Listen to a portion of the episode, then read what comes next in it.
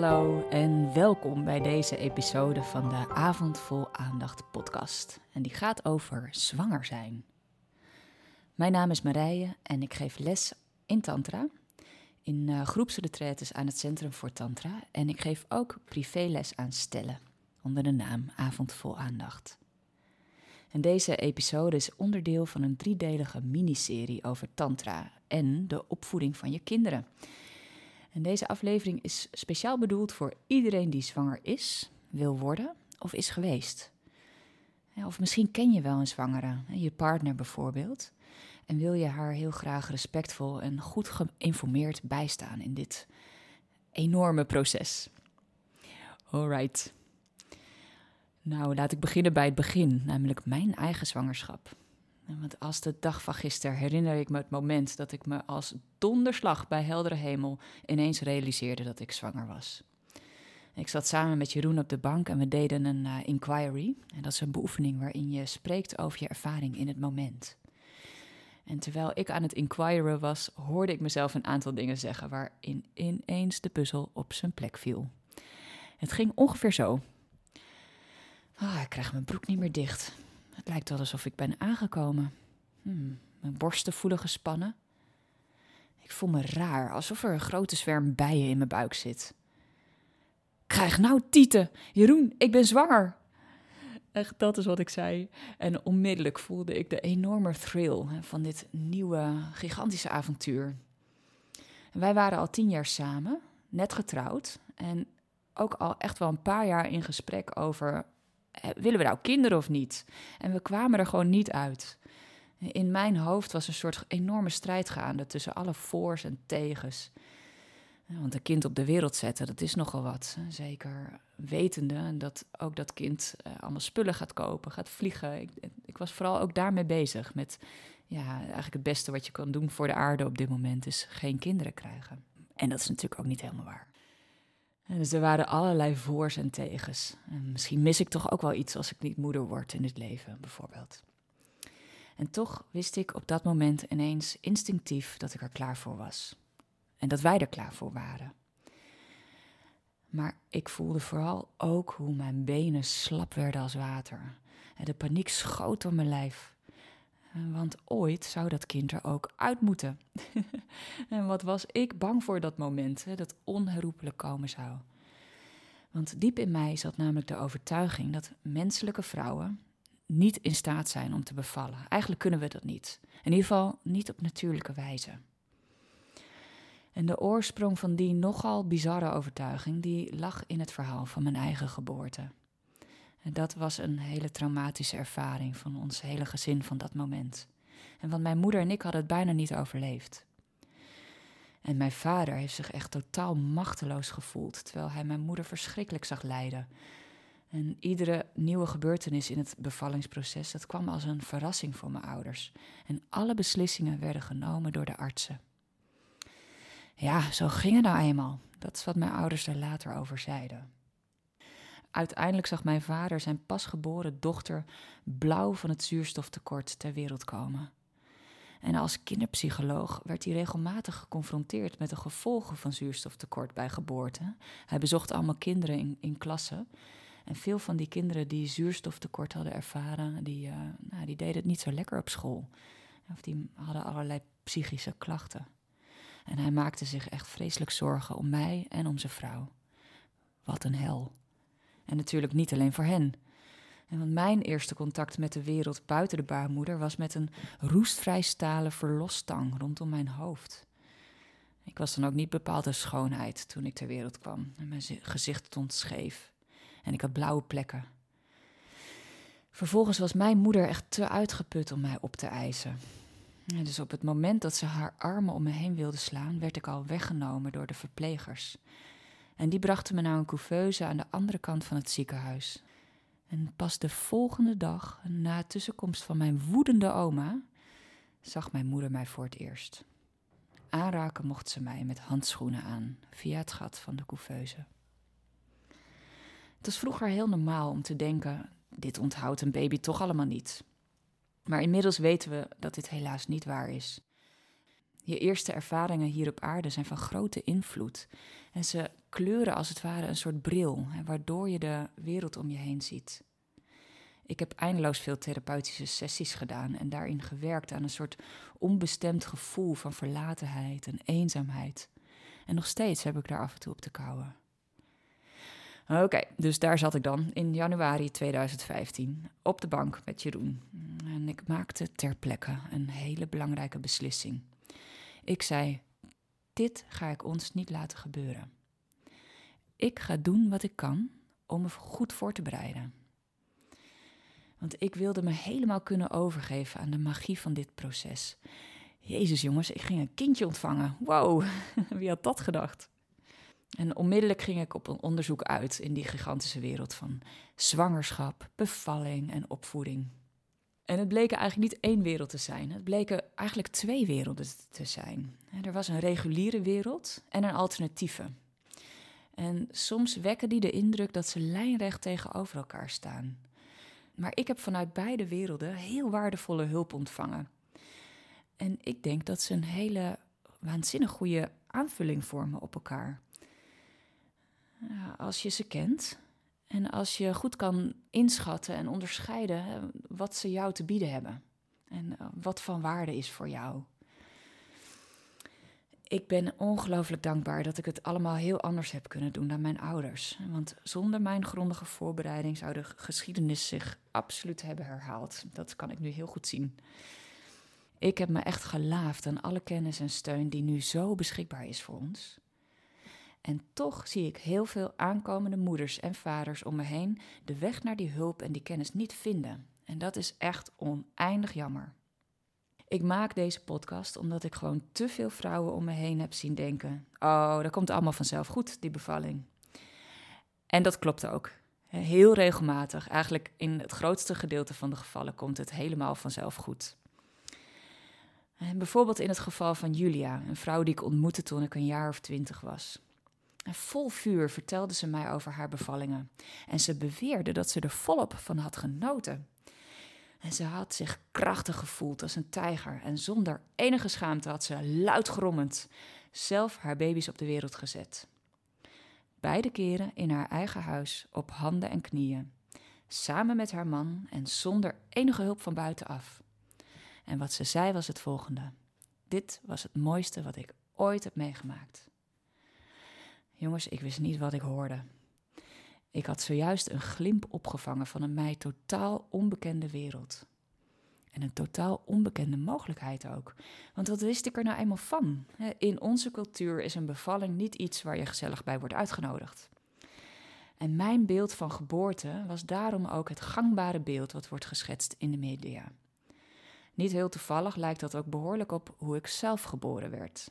Je kent het vast wel, zo'n beeld van zo'n kreunende, bezweten vrouw in een wit ziekenhuisbed. En ze zit vast aan een infuus en allerlei slangen en er staan artsen en verpleegkundigen om haar heen. En zeker in die laatste fase, de persfase, scheldt ze paniekerig eerst haar man uit, met krachttermen waar de honden geen brood van lusten. En daarna roept ze iets in de trant van, trek dat kind eruit, het maakt me niet uit hoe, verlos me. In dit cliché mediabeeld van een bevalling onderwerpt de barende vrouw zich aan het medische personeel. Als patiënt hoopt en verwacht ze dat de experts haar zullen verlossen van haar kind. Wat een contrast met Julia. En die had zich laten overnemen door haar eigen oerkracht en die had precies geweten wat ze moest doen. Op handen en knieën wierp ze helemaal zelf haar kind de wereld in en ze had er nog van genoten ook. Wie van deze twee zou jij liever zijn? De patiënt of de tijger? Op dit moment in onze wereld tekenen zich in de wereld van geboorte twee hele belangrijke tendensen af. De ene tendens volgt de ontwikkelingen in Amerika en trouwens ook in Zuid-Amerika, waar het inmiddels heel normaal is om voor de geboorte van je kindje een afspraak te maken in het ziekenhuis. Nou laat een geboorte zich natuurlijk niet plannen. En sterker nog, sommige kindjes zijn helemaal volgroeid en met 38 weken en andere pas met 43 weken. Helemaal natuurlijk is dat. En als jij ervan uitgaat, uh, of jezelf ervan hebt laten overtuigen, en dat een zwangerschap precies 40 weken dient te duren, en dan wordt die vervolgens opgewekt. Zo noemen we dat. Dan wordt die opgewekt met behulp van chemische hormonen. En daarna komt het kindje onder gedeeltelijke of gehele verdoving ter wereld, in veel gevallen via een keizersnee. En ik vermoed dat je luistert naar deze podcast omdat het verhaal van Julia je meer aanspreekt dan het verhaal van de patiënt. Nou is het niet zo dat we terug willen naar vroeger. Het is echt waar fantastisch dat er zulke geavanceerde medische ondersteuning beschikbaar is voor ons. Tegelijkertijd willen we er ook alleen gebruik van maken op het moment dat het ook echt nodig is. En zodat het niet de plek in gaat nemen van je natuurlijke kracht en je vanzelfsprekende wijsheid en je intuïtie. Als patiënt onderwerp je je aan de kennis en de kunde van artsen en verloskundigen. Maar vanuit contact met je innerlijke tijger kan je echt gaan samenwerken met hen. En mocht dat nodig blijken. Sommige vrouwen, zoals Julia, die zijn vanzelfsprekend verbonden met hun innerlijke kracht. Alle waarschuwingen, risicoanalyses en horrorbeelden uit de media, die lijken gewoon geen vat op hen te hebben. En ze geven zich eenvoudig over aan het wilde natuurlijke proces en dat een zwangerschap en een bevalling nou eenmaal is. Anderen, zoals ik, hebben er wat hulp bij nodig om zich er vol vertrouwen in te kunnen storten. En nou zijn er dus twee soorten hulp beschikbaar. Er is hulp die het van je overneemt, zoals de artsen deden bij mijn moeder. En mijn moeder werd niet gezien als een samenwerkingspartner. En dat was ook wel de tijdsgeest van toen. Dat is nu echt gelukkig heel anders. Maar nog steeds worden vrouwen lang niet altijd ondersteund om zich op te stellen als een samenwerkingspartner. Het gevolg hiervan voor mijn ouders is dat zij op mijn geboorte terugkijken met gevoelens van verdriet en machteloosheid. Eigenlijk iets waar ze liever niet aan herinnerd worden. Gelukkig is er nu ook heel veel hulp verkrijgbaar die je bekrachtigt. Want als zwangere ben je helemaal niet ziek. Sterker nog, je bent en je voelt je waarschijnlijk gezonder dan ooit. En een goede hulpverlener ziet en behandelt jou dan ook echt niet als een patiënt, maar als een samenwerkingspartner. Zij kent de cijfers en de statistieken en neemt daarna de tijd om jou te leren kennen. En met al je unieke wijsheid al je kwaliteiten, al je eigen, eigenaardigheden, eh, jouw genetische materiaal. Je bent echt uniek. Niet te vatten in cijfers en protocollen. Eh, en degene die je begeleidt, die zal je alle beschikbare mogelijkheden aanreiken en je vervolgens vrijlaten en steunen in jouw keuze. Als je op de goede plekken zoekt, zal je merken dat dit soort hulp tegenwoordig echt ruim voorradig is in Nederland. En dus neem geen genoegen met minder. Je voorbereiden op de komst van je kind, dat gaat over iets heel anders dan het afvinken van de baby must-haves op je shoppinglist. Geloof me, je wil echt niet overvallen worden door de eerste weeën, terwijl het hippe fotobehang in de kinderkamer nog aan het opdrogen is. Kijk, je overleeft het wel, maak je geen zorgen. Maar er is nog zo ongelooflijk veel meer mogelijk dan dat. Stel je toch eens voor dat je later terugkijkt op de periode van je zwangerschap, op je bevalling en op je kraamtijd als een tijd van enorme rijkdom. Als een tijd van heling en volwassenwording. Alright. Zit je klaar? Want daar gaan we. Ik wil je namelijk iets vertellen. Ik wil je iets vertellen over iets waar heel veel boekjes en sites over zwangerschap en kinderen krijgen je eigenlijk maar marginaal over vertellen. Want ik geloof persoonlijk dat er één toverwoord is. En het toverwoord dat is voor zowel voor als tijdens als na je zwangerschap. En dat woord is ontspanning. En dat is ook direct de reden waarom ik als tantrika en tantra-lerares deze podcast maak. En niet in de hoedanigheid van verloskundige of doula, wat ik helemaal niet ben. Want ontspanning, dat brengt overgave. En dat is waar tantra over gaat. En dat is ook waar zwangerschap en geboorte over gaan. En dit zijn krachtige, natuurlijke processen waarover je maar heel weinig controle hebt. Je lichaam doet het ook helemaal vanzelf. En je staat erbij en je kijkt ernaar terwijl je buik groeit en groeit. Tot op een gegeven moment de eerste tekenen van de geboorte zich aandienen. Het hele proces van zwanger zijn en bevallen is er een van overgave. En zeker als dit je eerste zwangerschap is, dan zal je merken dat heel erg veel nieuw voor je is. Je zal je bijvoorbeeld heel anders voelen dan normaal. Dan niet alleen, je zal ook veel ervaringen krijgen die nieuw voor je zijn. Nieuwe ervaringen die vinden meestal plaats buiten je comfortzone. Alles buiten je comfortzone is spannend. Spannend kan betekenen avontuurlijk, nieuw. Nou, alsof je intenser leeft, wakker. Het Engelse woord thrilling is een heel goed woord hiervoor. De nieuwe situatie is misschien spannend, ja, maar je voelt je ook wakker en aanwezig. Je voelt dat je capaciteit hebt om met het nieuwe, onbekende avontuur om te gaan. Nou kan spannend ook betekenen dat je je gaat voelen alsof je in gevaar bent. Veel vrouwen denken werkelijk dat het gevaarlijk is om zwanger te zijn en te bevallen. En je zal merken dat sommige mensen en ook sommige instanties dit idee zullen bevestigen. Eh, vaak als je je gaat begeven in het reguliere medische circuit, dan zal je te maken krijgen met allerlei kansberekeningen, statistieken, risicoanalyses en, en veel voorzorgmaatregelen. En misschien ga je merken dat die het gevoel van gevaar flink kunnen versterken. Niemand vindt het fijn om veel spanning te ervaren. En je lichaam spant zich letterlijk aan. Je blik vernauwt zich en focust zich. En dat is een heel goed idee als er werkelijk gevaar dreigt. Als je op de prairie loopt en je ziet een leeuw, dan is er maar één ding wat je moet doen. En dat is jezelf in veiligheid brengen en wel nu. Gelukkig ben je op dat moment niet ook nog eens bezig met je boodschappenlijstje. Of je schoonmoeder die je nog terug moet bellen. Een angstige, gespannen mind verliest haar openheid, haar creativiteit en haar souplesse, zodat ze single-minded kan handelen. Want als er gevaar dreigt, dan moet je single-minded handelen. je zal dan alles wat onbekend voor je is onmiddellijk klassificeren als potentieel onveilig. je zal het uit de weg willen gaan of je er tegen willen verzetten. En als dat niet lukt, dan zal je het proberen te negeren. Nou, in het hele proces van zwangerschap en bevalling is er ongelooflijk veel onbekend. Het is een heel wild en natuurlijk proces, zo oud als het leven zelf. Het is zelfs van een wildheid die we nog maar zelden meemaken in onze moderne wereld, waarin alles zo maakbaar lijkt. Vanuit ons enorme verlangen naar controle en veiligheid zijn we erin geslaagd om ongeveer alles wat wild en natuurlijk is aan onze wil te onderwerpen. Kijk maar eens wat er is gebeurd met de natuur om ons heen.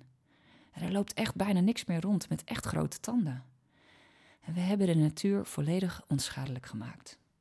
En we proberen niet alleen de wildheid en het natuurlijke buiten ons te temmen, het is ook wat we proberen te doen met onze innerlijke natuur. Zwangerschap en geboorte zijn, samen met sterven, zo ongeveer de laatste natuurlijke processen waarop onze invloed heel beperkt is. En dat vinden we zo lastig te verteren dat we steeds vaker kiezen voor een keizersnede op afspraak. Geen centje pijn. Of toch wel? Nou, als ik verhalen hoor van vrouwen die een keizersnede hebben gehad, dan lijkt het er wel op dat hun herstelperiode na hun bevalling heel wat langer heeft geduurd dan de mijne. En ook niet zo pijnloos was als die van mij. Het lijkt me helemaal niet fijn om een keizersnede te krijgen. Eh, in mijn beeld en in mijn ervaring helpt iedere niet noodzakelijke poging om iets van het natuurlijke proces te vermijden, te versnellen of over te slaan, jou en je kindje in werkelijkheid niet. En ik heb het hier over niet noodzakelijk. Hè. Soms is een keizersnede noodzakelijk en dan is het fantastisch dat het kan. En dan roei je gewoon met de riemen die er zijn. Maar ja, wat is nou precies wel of niet noodzakelijk? En daarover verschillende meningen zeer sterk. En jij zal daarover je eigen beslissing moeten nemen. Persoonlijk denk ik dat zwanger zijn en bevallen volkomen veilig en natuurlijk is. Ondanks alle horrorverhalen die we horen over bevallen. En ter indicatie, wij vinden het heel normaal om in de auto te stappen of op de fiets en deel te nemen aan het verkeer. En toch sterven er in Nederland elk jaar 600 mensen door een verkeersongeluk terwijl er per jaar maar 10 mensen sterven aan zwangerschapsgerelateerde complicaties. op een bevolking van 17 miljoen, waar, waarvan behoorlijk wat vrouwen, is dat echt verwaarloosbaar. Dus hoe natuurlijker je bevalling, hoe veiliger zelfs. want als je ervoor kiest om in het ziekenhuis te bevallen, dan lijkt het misschien veiliger, maar in plaats daarvan is de kans behoorlijk wat groter dat je vervolgens ook met medische ingrepen te maken zal krijgen. Gewoon omdat het zo dichtbij is allemaal. En sinds ik mijn eigen bevalkrachten heb ervaren, heb ik een enorm vertrouwen in jouw natuurlijke vermogens om een kind op de wereld te zetten. En nou kan het natuurlijk zo zijn dat je dit vertrouwen op dit moment absoluut niet met me deelt. En dat je er net zo bij zit zoals ik aan het begin van mijn zwangerschap. Dan is het misschien goed om te weten dat wij mensen waanzinnig wendbare wezens zijn. in slechts een paar maanden tijd is mijn gevoel van paniek over mijn zwangerschap en bevallen echt met 180 graden gedraaid. En van angst ging ik naar vertrouwen en rust. Dus laten we eens gaan kijken hoe komen we eigenlijk aan het beeld van zwangerschap als een soort noodzakelijk kwaad. Iets waar je nou eenmaal doorheen moet om een kind te krijgen. En want zo zien veel, veel mensen het. Iets waar je nou eenmaal doorheen moet. En soms is dat ook zo. Voor sommige vrouwen geldt dat ook. Ik zelf heb me alsmaar fit en gezond gevoeld. Eigenlijk gezonder en fitter dan ooit. En verreweg de meeste andere vrouwen ervaren hun zwangerschap ook zo.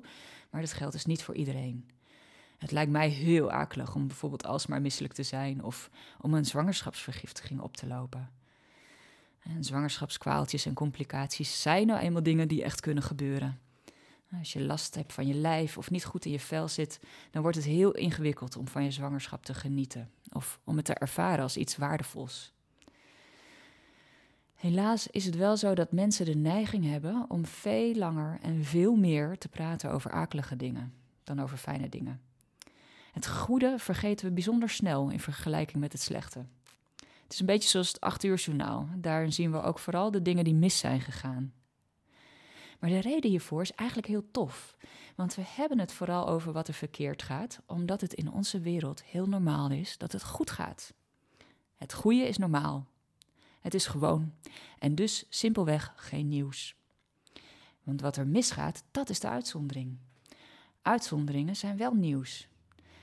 En verreweg de meeste zwangerschappen verlopen zonder complicaties. En daar zal je dus maar weinig over horen. De 3% die lastiger verloopt, daar lopen we voortdurend van over. En in je vierde of vijfde maand, dan wordt je zwangerschap zichtbaar voor de mensen buiten je. Superleuk.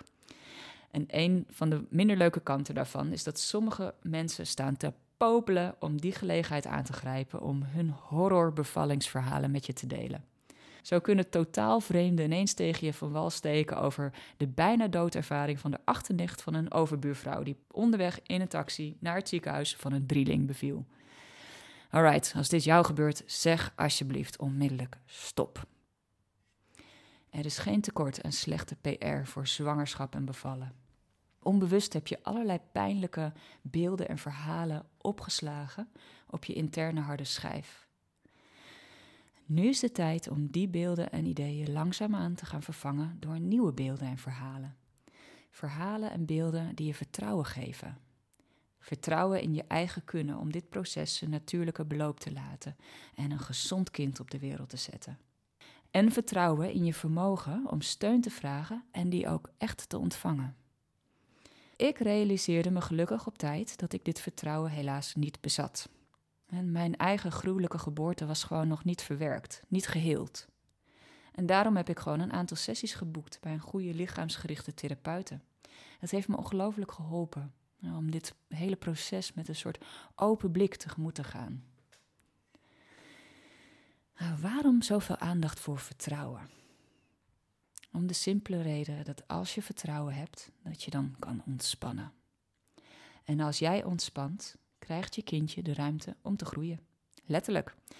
Ik kan je heel erg aanraden om eens lekker op vakantie te gaan in je zwangerschap. Wat? Niet één keer. Ik zou zeggen, ga minstens drie keer op vakantie. Wedden dat je twee keer dikker terugkomt dan hoe je heen ging. je buik groeit. Er komt zoveel meer ruimte wanneer je ontspant. Dus ik kan echt aanraden om weg te gaan. Zeker nu je nog misschien met z'n tweeën bent, als dit je eerste kindje is. Geniet ervan. Ontspanning is trouwens ook precies wat jij nodig hebt om je kindje straks, als je gaat bevallen, los te kunnen laten. En je ontspannen zodat je kan openen en loslaten. En dat is de essentie van het geboorteproces. Ontspanning zit niet alleen tussen je oren. Je mind en je lichaam, dat zijn één geheel en het een beïnvloedt het ander. Een angstige mind brengt spanning in je lichaam. En als jij het idee hebt dat je in gevaar bent, dan zet je je spieren zich schrap voor het onbekende wat komen gaat. En een gespannen lijf is hard, stijf, krampachtig. Absoluut niet ideaal om een kind mee op de wereld te zetten. Een ontspannen mind, die beziet nieuwe ervaringen en situaties met ruimte. Met openheid, met nieuwsgierigheid en interesse. En die ontspanning die zal je terugvoelen in je lichaam, wat zacht en soepel is. In ieder geval op veel plekken. Als je ontspannen bent, dan ben je als het ware vloeibaar. Dat is een woord wat we graag gebruiken in Tantra.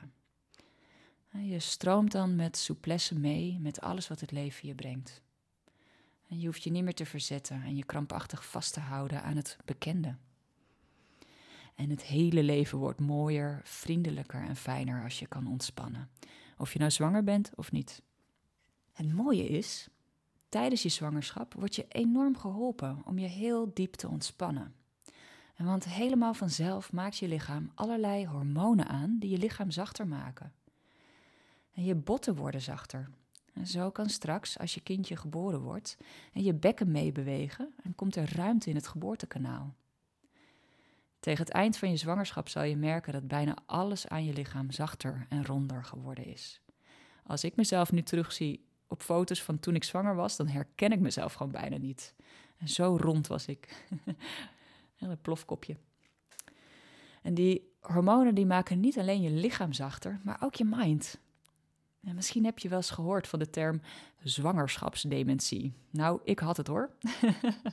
en veel andere vrouwen ervaren ook een soort vergeetachtigheid in de periode rondom en soms ook ver na de geboorte van hun kind. Ik omschreef mezelf in die periode als wolkig. En mijn hersenen voelden wat wattig aan. Ik verloor mijn focus en mijn ambitie. En het duurde wel een paar jaar voordat dat helemaal weer terug was. Geniaal toch? Ik bedoel, zo blijf je als moeder tevreden thuis bij je kleintje. Eigenlijk precies wat er nodig is. Voor je baby in ieder geval. Maar maak je geen zorgen. Je verlangens naar grote successen in de wereld, dat komt op een gegeven moment echt wel weer terug. Helemaal vanzelf. Nou, stel je voor, je zit naar dit verhaal te luisteren en je realiseert je, oeps, ontspannen, dat is helemaal mijn ding niet.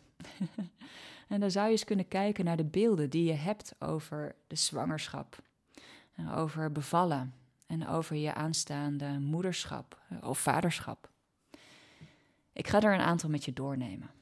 En deze beelden, uh, misschien zal je merken dat een aantal daarvan, die gaan niet alleen over zwanger zijn, maar die gaan eigenlijk over het hele leven. En één enorme overtuiging die we hebben, is de overtuiging: ik moet het alleen doen.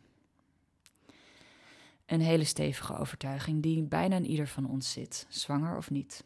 En dus zal je er misschien ook tijdens deze fase in je leven, waarin je het niet alleen kunt doen, tegenaan lopen. Maar zwanger zijn en bevallen, dat doen vrouwen al eeuwenlang samen. Eeuwenlang?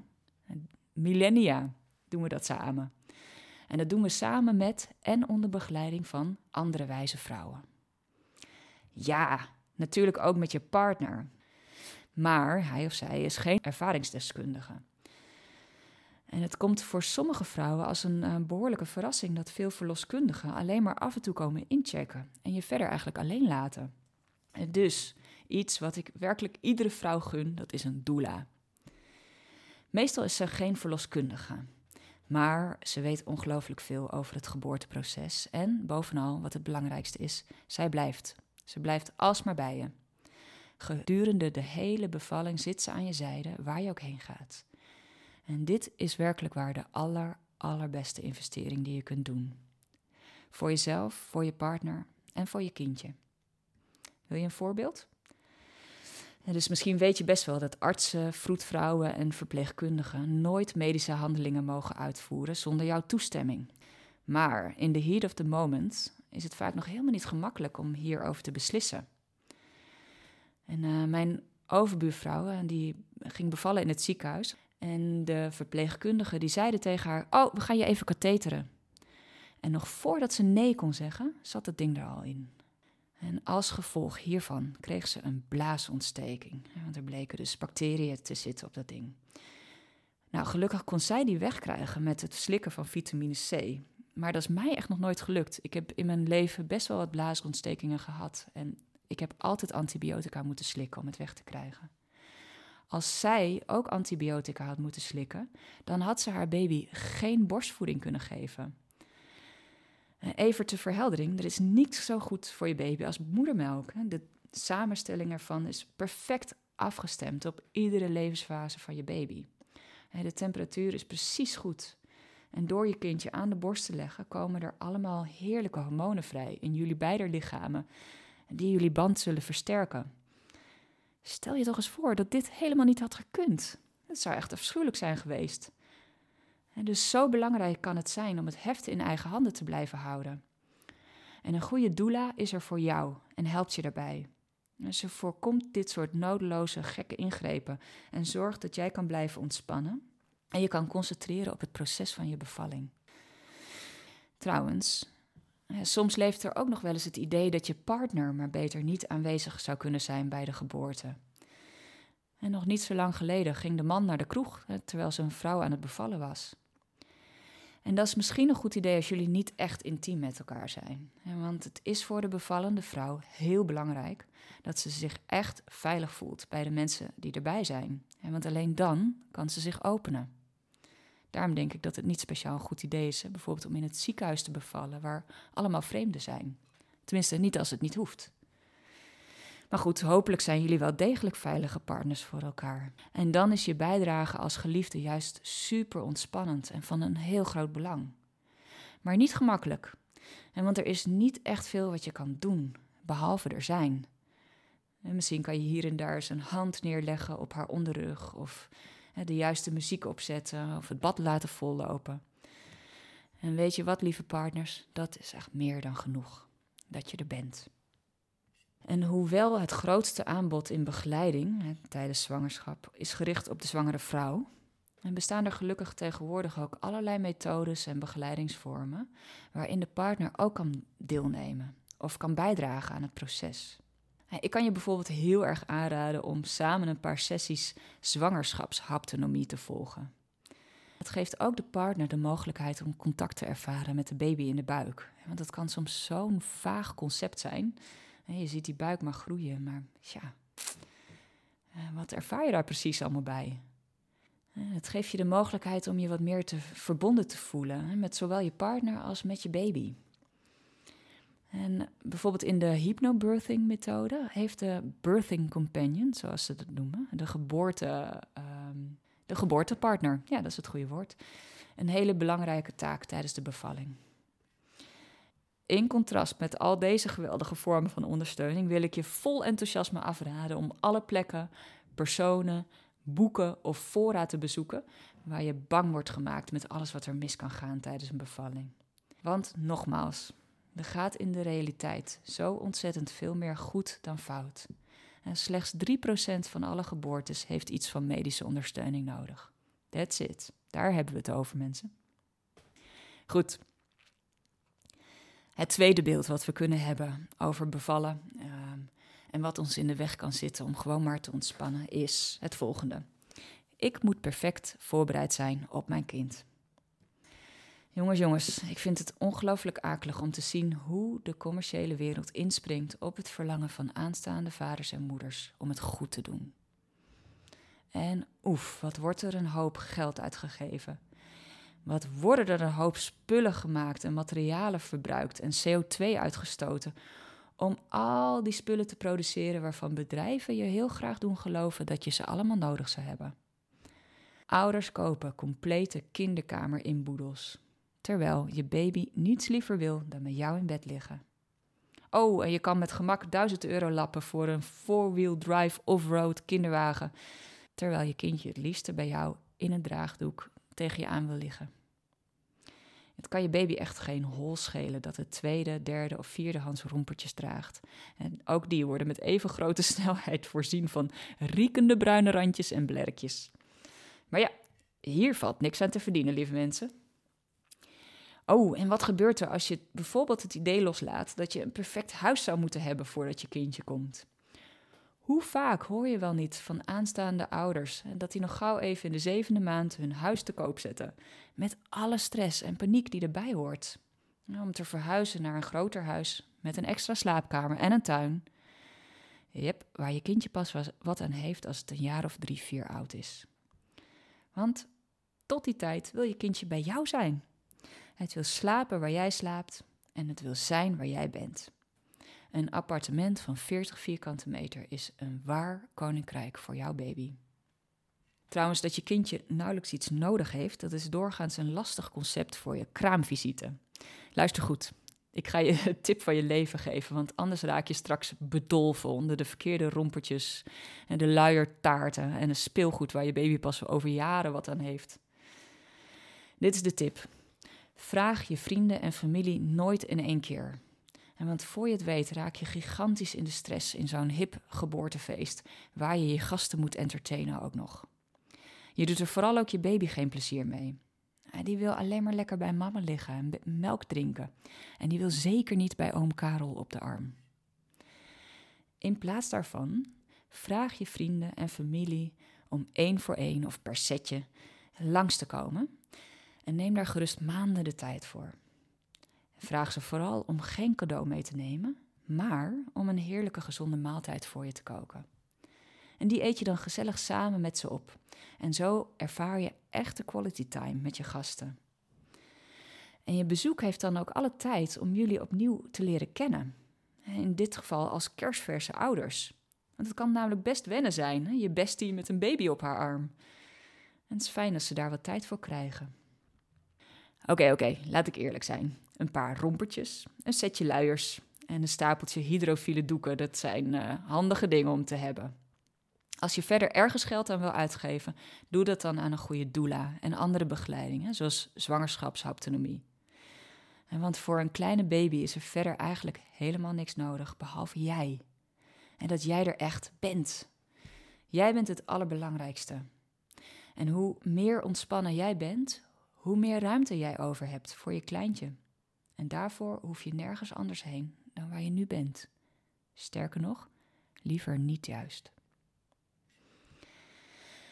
Ah, oké, misschien even ademhalen. Voordat we verder gaan naar het derde beeld, wat ons niet echt helpt om te ontspannen. En dat is: mijn relatie moet eerst helemaal perfect. En jazeker, het is voor je kindje echt fantastisch als jullie van elkaar houden en dat laten zien en heel veel fysiek in contact zijn met elkaar. Want om te weten dat je ouders een stevige basis hebben samen, dat doet echt iets belangrijks in je vertrouwen in de wereld als baby. Maar ik denk dat het een grote misvatting is. En dat een goede relatie of een geslaagd gezin alsmaar leuk, gezellig of avontuurlijk zou moeten zijn. Vanuit mijn visie is het op een bepaalde manier niet zo heel erg van belang of je het altijd leuk hebt samen. En soms wil je elkaar gewoon uit het raam gooien. maar wat in mijn ogen een goede relatie definieert, is de bereidheid om elkaar werkelijk te ontmoeten. Of je die ander nou leuk vindt of niet. Of in ieder geval, of je die ander nou altijd maar leuk vindt of niet. Als je bereid bent om eerlijk te zijn over hoe je wordt aangeraakt in het contact. En dan ontstaat er de mogelijkheid om jezelf en elkaar op een dieper niveau te leren kennen. Dat is alleen lang niet altijd makkelijk, omdat we zo hebben geleerd om niet open en eerlijk naar elkaar te zijn. Om onszelf een klein beetje aan te passen, zodat we hopelijk een leukere partner zijn voor onze geliefden. Maar zeker als vader en moeder is het belangrijk dat je tevoorschijn leert komen met hoe het werkelijk met je is. En zodat je om hulp kunt vragen als dat nodig blijkt.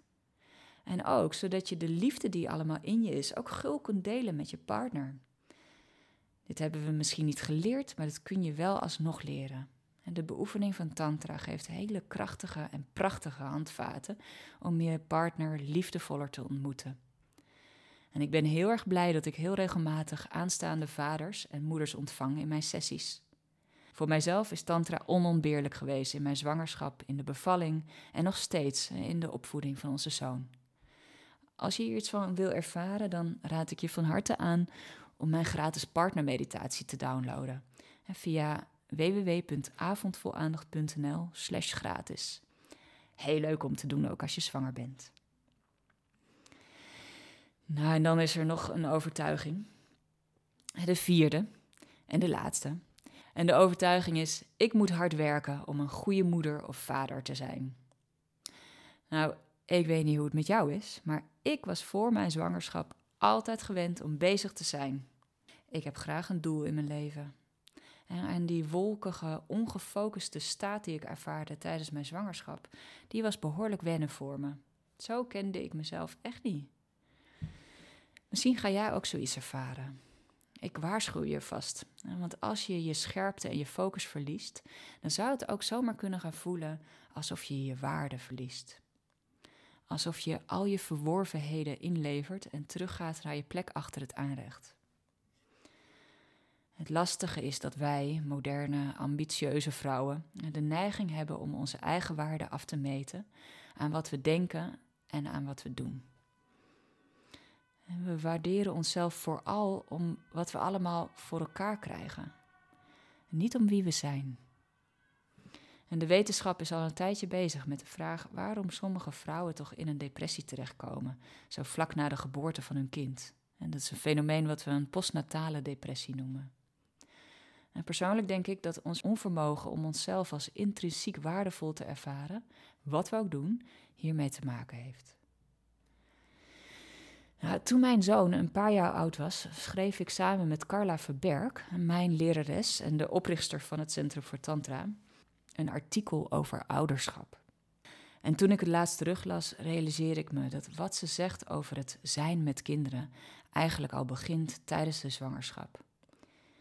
Ik zou zo graag willen dat iedere aanstaande ouder dit leest. Dus ik citeer haar.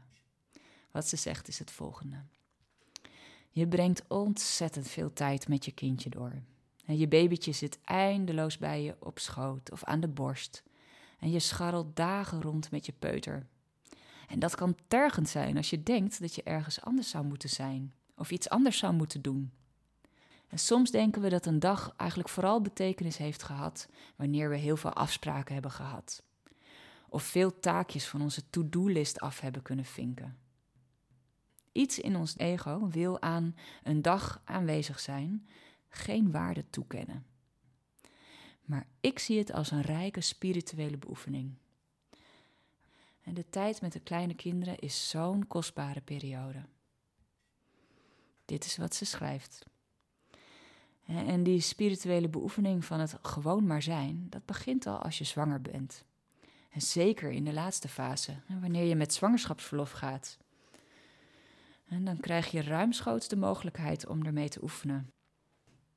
En zo valt het niets doen ook niet al te rauw op je dak als je kindje er eenmaal is. Oké, even terug. We hebben het nu ineens over een visie op zwangerschap en geboorte die 180 graden anders is dan het noodzakelijk kwaad, waar je nou eenmaal doorheen moet om een kind op de wereld te zetten. In dit nieuwe beeld zijn je zwangerschap en je bevalling en momenten van grote groei. Persoonlijke groei, misschien zelfs spirituele groei. En je hebt het vast wel eens gezien, misschien bij een vriendin of bij een familielid. Pasgeboren moeders kunnen iets intens zoets en tevredens uitstralen. De term die we daarvoor soms gebruiken is roze wolk. En het heeft iets licht cynisch, alsof dit een tijdelijke staat zou zijn, die puur en alleen door hormonen wordt opgewekt. En als die zijn uitgewerkt, dan val je dwars door die wolk weer terug op aarde. Maar dat is niet mijn ervaring. In mijn ogen drukt het woord moederwilde veel beter die kostbaarheid uit, die sommige vrouwen ervaren als ze een kind hebben gebaard. Ik denk persoonlijk dat het maar ten dele het kind zelf is wat die verrukking teweeg brengt. In mijn ervaring was het ook de wetenschap dat ik deel had genomen aan iets heel mysterieus. Aan iets wat de kern raakt van wie ik ten diepste ben. Want naast de dood is er niet veel wat je zo dicht bij het mysterie van het bestaan kan brengen als een geboorte. Een bevalling heeft de potentie om voor je te werken als een soort initiatie. Een betekenisvolle overgang naar een nieuwe fase in je leven. Een nieuwe fase waarin je meer volwassen bent geworden. En waarin je ook toetreedt tot de generatie van de ouders. En via je kinderen lever je jouw bijdrage en oefen je jouw invloed uit op de wereld van morgen. Een nieuwe fase waarin je verantwoordelijkheden, de lastigheden en de vreugde die daarbij horen aanneemt. En er is niet zoveel wat je daarvoor hoeft te doen. Welkom in het ouderschap. En hiermee zijn we aan het eind van deze episode gekomen. Bevatte deze aflevering waardevolle informatie voor je? Nou, dan vind je het misschien fijn om ook die andere twee delen uit deze miniserie over Tantra en ouderschap te beluisteren.